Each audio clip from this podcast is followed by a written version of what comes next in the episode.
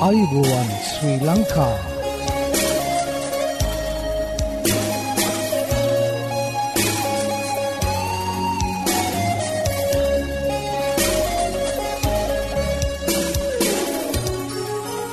ඔබට සුපදස මේ Adventist World radio බලාපොරොත්වය හඬ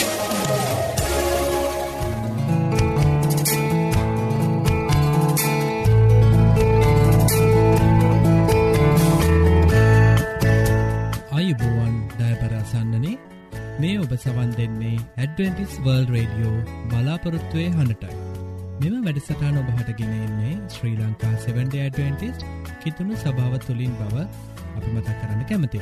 ඔබගේ ක්‍රස්ටයානි හා අධ්‍යාත්මික ජීවිතය ගොඩනගා ගැනීමට මෙම වැඩසටාන රුකුලක් වේයයි අපි සිතන.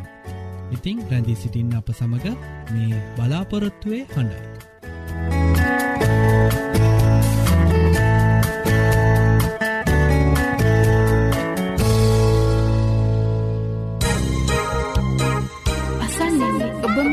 සිටින්නේ. ඇඩවෙන්ටිස් වර්ල් රේඩියෝ බලාපොරොත්තුවය හඬ සමඟ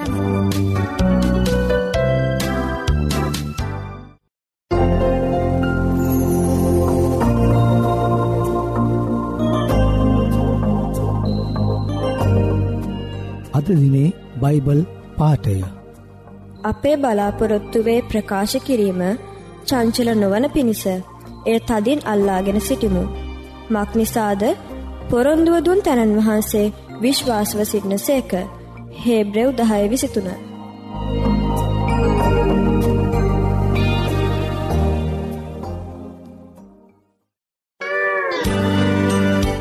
ආයුබෝවන් මේ ඇඩවෙන්ටිස් වර්ල් රේඩියෝ බලාපොරොත්වය හඬ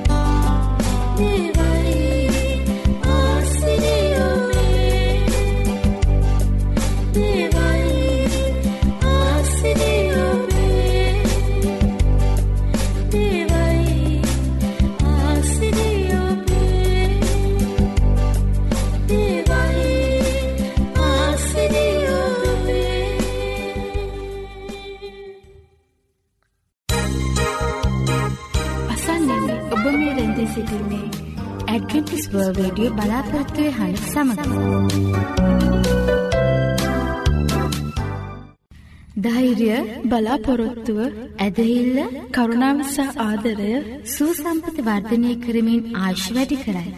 මේ අත්හදා බැලිමිට ඔබ සූදානන්ද එසේනම් එකතුවන්න ඔබත් ඔබගේ මිතුරන් සමගින් සුවසතර පියමත් සෞඛ්‍ය පාඩම් මාලාවට. මෙන්න අපගේ ලිපිනය ඇඩවෙන්ඩිස්වල් රේඩියෝ බලාපොරොත්තුවේ අඩ තැපැල් පෙටිය නම්සේ පා කොළඹ තුන්න. නැවතත් ලිපිනය ඇඩවෙන්ටිස්වර්ල් රේඩියෝ බලාපොරොත්තුවේ හඬ තැපැල් පෙටිය නමේ බිඳුවයි පහ කොළඹ තුන්න.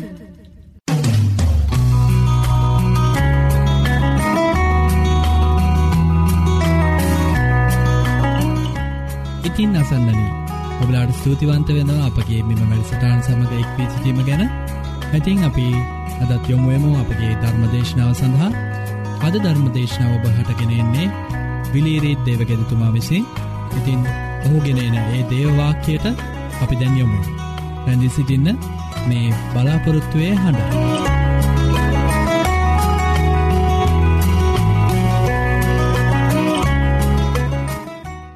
දෑබර අසන්නෙන අද ඔබ සවන් දෙන දේශනාවේ මාතෘකාව නවජීවනයක ආරම්භය යනුවෙන් මම තෝරාගෙන තිබෙනවා.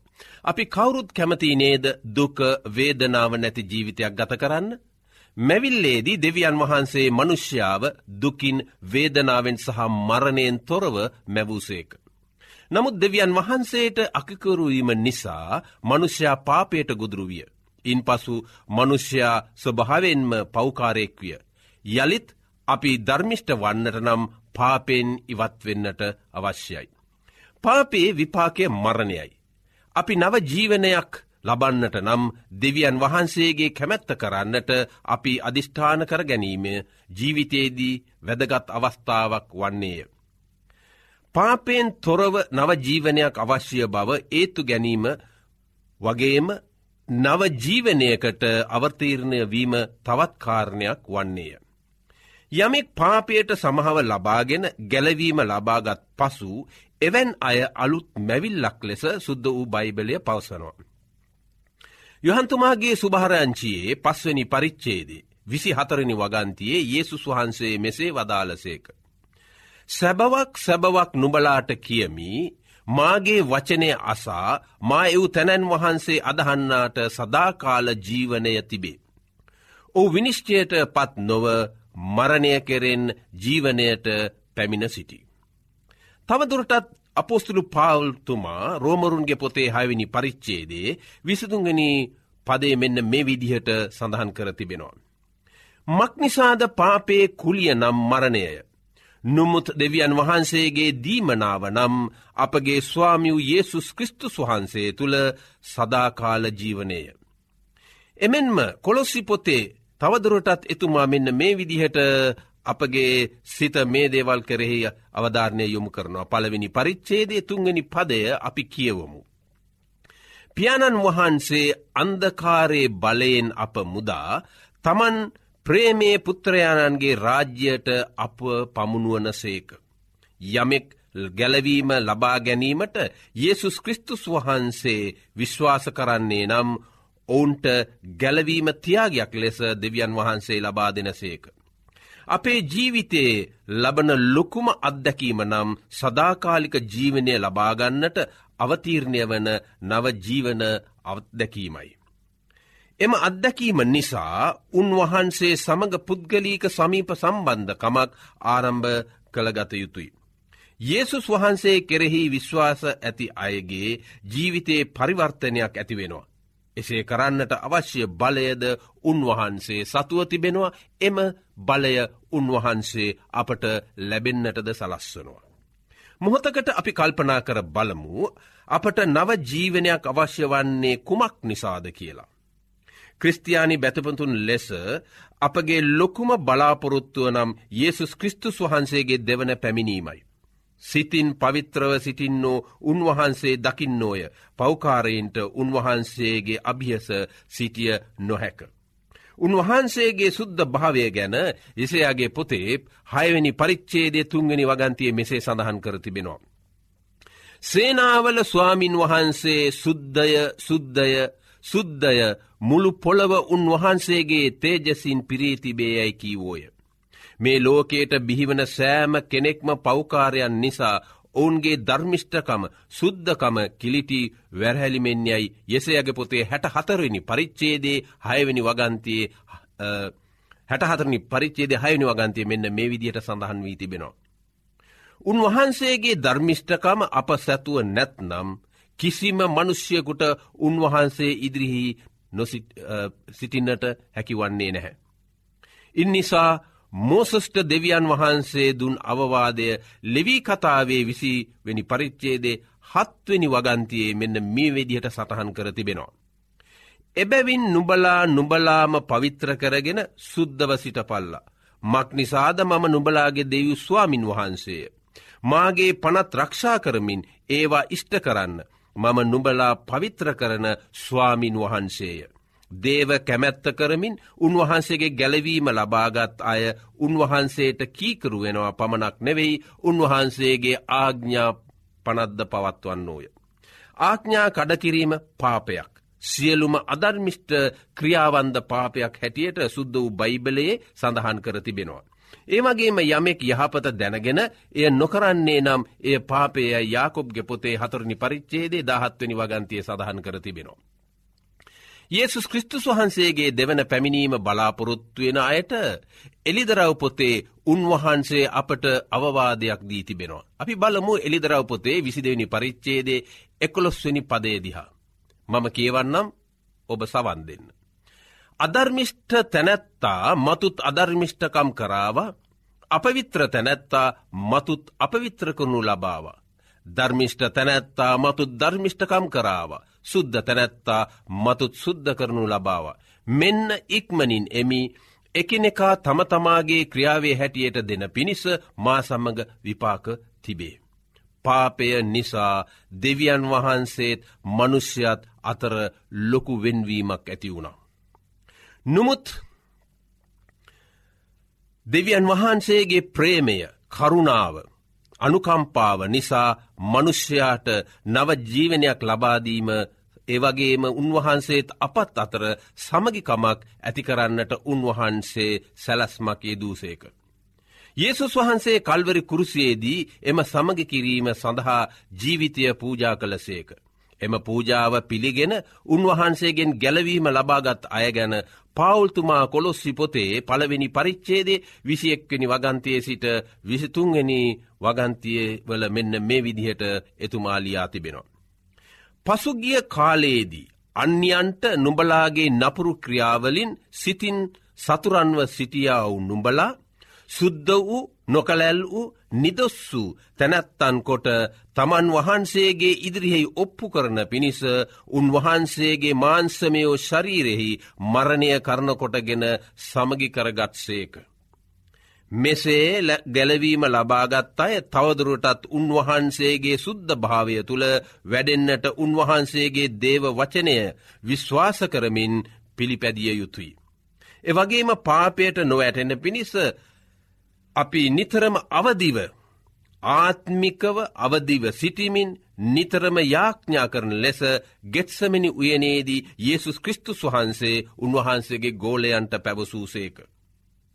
මතුවගේ පුතේ විසිහයනි පරිච්චේදේ හතලිස් එක්වනි පදේ උන්වහන්සේගේ වචන මෙන්න මේ විදිහට සඳහන් කර තිබෙනවා. නුඹලා පරීක්ෂාවට නොපැමිණෙන පිණිස අවදිවයින්ද යාඥා කරන්න. ආත්මය නම් කැමතිය නුමුත් මාංශය බෙලහීනයයි උන්වහන්සේ වදාලසේක. ඔබ සමහරවිට කල්පනා කරනව ඇති අපට මෙම සුද්ධභාවය තුළ රැඳී සිටින්නට හැකිවේද. මෙවැනි ප්‍රශ්න අපගේ සිත්වලට බොහෝ අවස්ථාවන්හිදී පැනනගෙනවා. නමු සුද්ද වූ බයිබලය ඔබගේ මේ තිබෙන්නාව ප්‍රශ්නවලට පිළිතුරුත් ලබා දෙන්නට සුද්ධහත්මයණන් වහන්සේ මඟ පෙන්වනවා. අපි බලමු කොළොස්සිගේ පොතේ පවුල්තුමා මෙම අනුශාසනාව අපට මතක් කර දෙනවා. නුඹලා සුභාරංචියයේ බලාපොරොත්තුවෙන් අහක් නොවී ඇදහිල්ලේ පිහිට ස්තීරව සිටෙන්හු නම් එසේ වන්නේය ඒ සුභහරංචිය නුඹලා ඇසුවහුය. නවජීවනයක් ලබාගත් සියලු දෙනාටම එම නවජීවනය තුළ ආත්මිකව මානසිකව සහ ශාරීරික වර්ධනය වන්නට දේවානු භාවයෙන් දුන්නාව දේව වචනය ප්‍රතිපත්ති ආග්ඥාපනත් පවත්වමින් යාඥා කිරීම ඉතාමත්ම වැදගත්වෙනවා මේ නවජීවනය නව උත්පාදනය උපත තුළ අපට ස්වාමින් වහන්සේ තුළ වැඩෙන්න්නට. පාපිෂ්ට ජීවිතය ඉවත්කොට නවජීවනයකට අවතීරණය වන්නට මග කුමක්දයි යනුවෙන් ඔබගේ සිතේ ප්‍රශ්නයක් ඇතිවෙන්නට පුළුවන් මේ මොහොතේදීම. පළමුකොටම අපේ සිතේ තබාගත යුතු දෙයක් තිබෙනවා කරුණක් තිබෙනවා අසන්නෙන. එනම් නවජීවනය දෙවියන් වහන්සේ අපට දෙන තියාගයක් නැත්තන් දීමනාවක්. යළිත්වරක් අපි රෝමරුන්ගේ පොතේ හයවනි පරිච්චේදේ විසිතුන්වෙනි පදයට අපගේ සිත යොමුකරගෙන මේ තිබෙන සත්‍යතාවය තවදුරටත් අපගේ සිතේ ස්ථාපිත කරගනිමු. මෙ එතුමා කියනවා.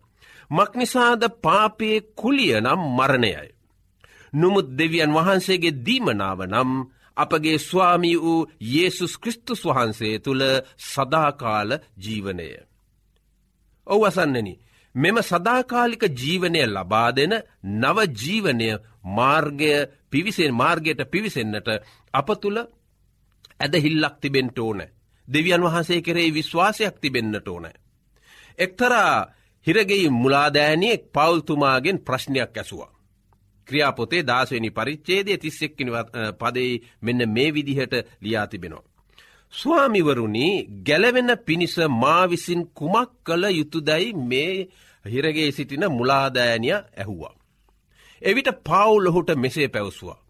ස්වාමියූ ඒසුස් කෘස්තුස් වහන්සේ කෙරෙහි අදාගන්න එවිට නුඹ ගැලවෙන්නෙහිය නුඹද නුඹේ ගෙයි වැසියෝද එසේ මේ යයි කීවේය. ඔව් අසන්නනි නවජීවනයකට මග Yesසුස් කෘස්තුස් වහන්සේය මක්නිසාද මාර්ගයද සත්‍යයද ජීවනයද උන්වහන්සේ වන නිසා.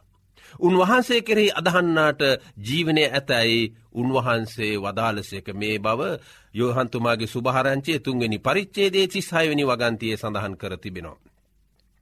ඔබ සමහරවිට කල්පනා කරනෝ ඇති නව ජීවනයකට ඇති සත්‍යය සහ සත්‍යය සහතිකයදේ නම් දෙවියන් වහන්සේගේ දේව වචනය නව ජීවනයකට ඇති සහතිකයද කියලා ඔබ සමහරවිට හිතන්නට පුළුවන්. මෙම සහතිකය උන්වහන්සේගේ පොරුන්දුව මත රැඳී තිබෙනවා. තීතස්ගේ පොතේ පළවෙනි පරිච්චේදේ දෙවැනි වගන්තිය මම ඔබට කියවන්නට යනවා කරුණාවෙන් සවන්දෙන්ට. බොරුන් නොකියන දෙවියන් වහන්සේ පූර්ුව කාලවලට ප්‍රථමයෙන් පොරුන්දු උනාව අපේ ගැලුම්කාරයාවන දෙවියන් වහන්සේගේ ආග්ඥාව ලෙස මට භාර දෙනලද පනිවිඩයෙන් තමන් වහන්සේගේ වචනය ප්‍රකාශ කිරීමෙන් නියම කාලවලදී එළිදරව් කලාව සදාකාල ජීවනයේ බලාපොරොත්තුව සඳහා දෙවියන් වහන්සේගේ තෝරාගත් අයවුලුන්ගේ ඇදහිල්ලද දේව භක්තිය හැටියට තිබෙන සත්‍යය දැනගැන්ම උදෙසා දෙනලදැයි පෞතුමා කියා තිබෙනවා. දේව වචනය තමයි ඒ සත්‍යතාවය ඒ සත්‍යතාවයෙන් පෙන්නුම් කරන්නාව කේන්ද්‍රස්ථානය වෙන ගැලවුම්කාර Yesසුස් කෘස්තුස් වහන්සේගේ කීම යම් කිසි කෙනෙක් පිළිගෙන ඒ නියම කාලවෙලදී එළිදරව් කලාව ආකාරයට ඒ අය ඒ කරේ විශ්වාස කරනවානම් සදාකාල ජීවනය බලාපොරොත්තුවක් උන් තුළ තබාගන්ට පුළුවන් බව මේ පදවල සඳහන් කර තිබෙනවා. සුද්ධහත්මයණන් වහන්සේ ඔබගේ නව ජීවනය තුළ රැඳී සිටින්නට ඔබ තුළ ක්‍රියා කරන බවට පොරොන්දු වූසේක. පවල්තුමා එක කොරින්තිගේ පොතේ හයනි පරිච්චේදේ එකළො සිනුවගන්තියේ මෙන්න මේ බලාපොරොත්තුව ඔබ තුළ ස්ථාපිත කරන්නට එසේලියා තිබෙනවා.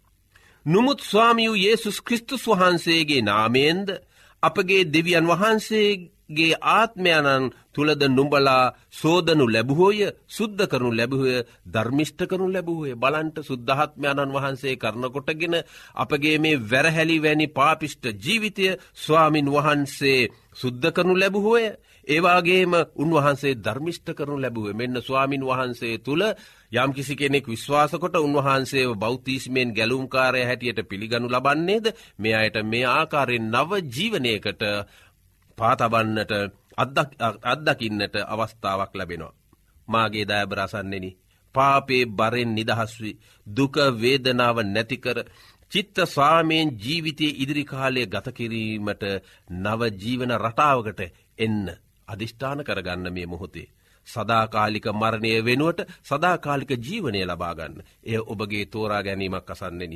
දෙවියන් වහන්සේ ඔබගේ ජීවිතය අලුත්කරත්වා උන්වහන්සේගේ ආශිරුවාද ඔබට ලැබෙත්වා පාපයෙන් තොර ධර්මිෂ්ට වූ එවාගේම සුද්ධ කරනු ලැබූ පවිත්‍ර සිතක් ඇති සියලුම සත්වයන්ටත් සියලු මනුෂ්‍යයන්ටත් මානව සත්ව කරුණාව දක්වන්නාව පුරවැසියෙක් වෙන්නට ක්‍රස්තියානි භක්තිගෙක් වෙන්නට මේ නවජීවන රටාවට ආවතීරණ වන්නට දෙවියන් වහන්සේ මේ අවස්ථාවේදී ඔබගේ සිත්වට කතා කරත්වා.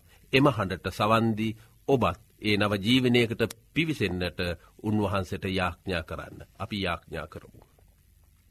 දයාබර දෙවිස්වාමීනී පාපයෙන් අපි මරණයට මුහුණ දුන්නත්. අපේ ජීවිතය පාපය අකුසල නිසා කිලිටු වී තිබුණත්. එදා කල්වාරි කුරුසේ ජීවිතය පූජාකොට එම පාපේ මරණය බැම්මෙන් අපිව මුදවාගෙන කිලුටු වූ මේ ජීවිතය පවිත්‍රකොට අපට නව බලාපොරොත්තුවක් නව ජීවනයක් ඔබහන්සේ ලබාදුන් නිසා ස්තුතියි. ඉනිසා ස්වාමිනි මේ වැඩ සටහනට සවන් දෙන යමෙක් ඇද්ද. ඔබහන්සේගේ ඒ දේව වචනය ඔවුන්ගේ සිතට කතා කරනවා නම්. ඔවුන්ගේ තෝරා ගැනීම අනුව ඔවුන්ගේ නිදහස් කැමැත් අනුව ඔබ වහන්සේ තුළ ඇත්තව ප්‍රේමය නිසා ඔවුන්ටත් ඒ නව ජීවනයට ක්‍රිස්තුස් වහන්සේ තුළින් ආරම්භ කරන්නට ආශිර්වාද කරන්නට. ඔබහන්සේ ඔවුන්ගේ ජීවිත අලුත් කරන්නට ඔබහන්සේ සියලුම බලය ඇතිහෙයින් ඔබහන්සේ උන් සියලු දෙනාටම කරුණාව දක්වන්ට. මේ සියල්ලක්ම ඉල්ලමින් එවැනි තීරණයකට එන්ට මේ මොහොතේදී යමෙක් අධිෂ්ඨාන කර සිටින්නේ නම් ඒ අධිෂ්ඨානය සපලමත් වෙන්නට ඔබහන්සේුන්ට ආශිරවාද කරන්ටික ඉල්ලා සිටින්නේ යේසුස් වහන්සගේ නාමය නිසාමය ආමෙන්.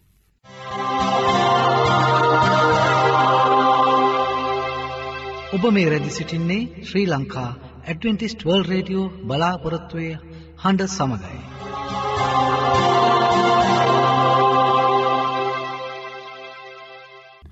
සත්‍යය ඔබ නිදස් කරන්නේ යසාය අටේ තිස්ස එක.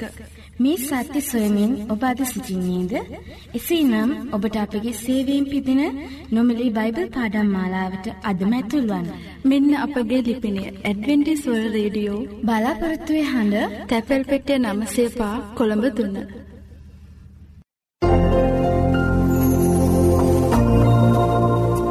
අපේ මෙ වැඩසටාන තුළින් ඔබලාට නොමිලේ ලබාගත හැකි බයිබල් පාඩං හා සෞඛ්‍ය පාඩම් තිබෙනවා. ඉතිං ඔබලා කැමතිනං ඒවට සමඟ එක්වෙන්න අපට ලියන්න.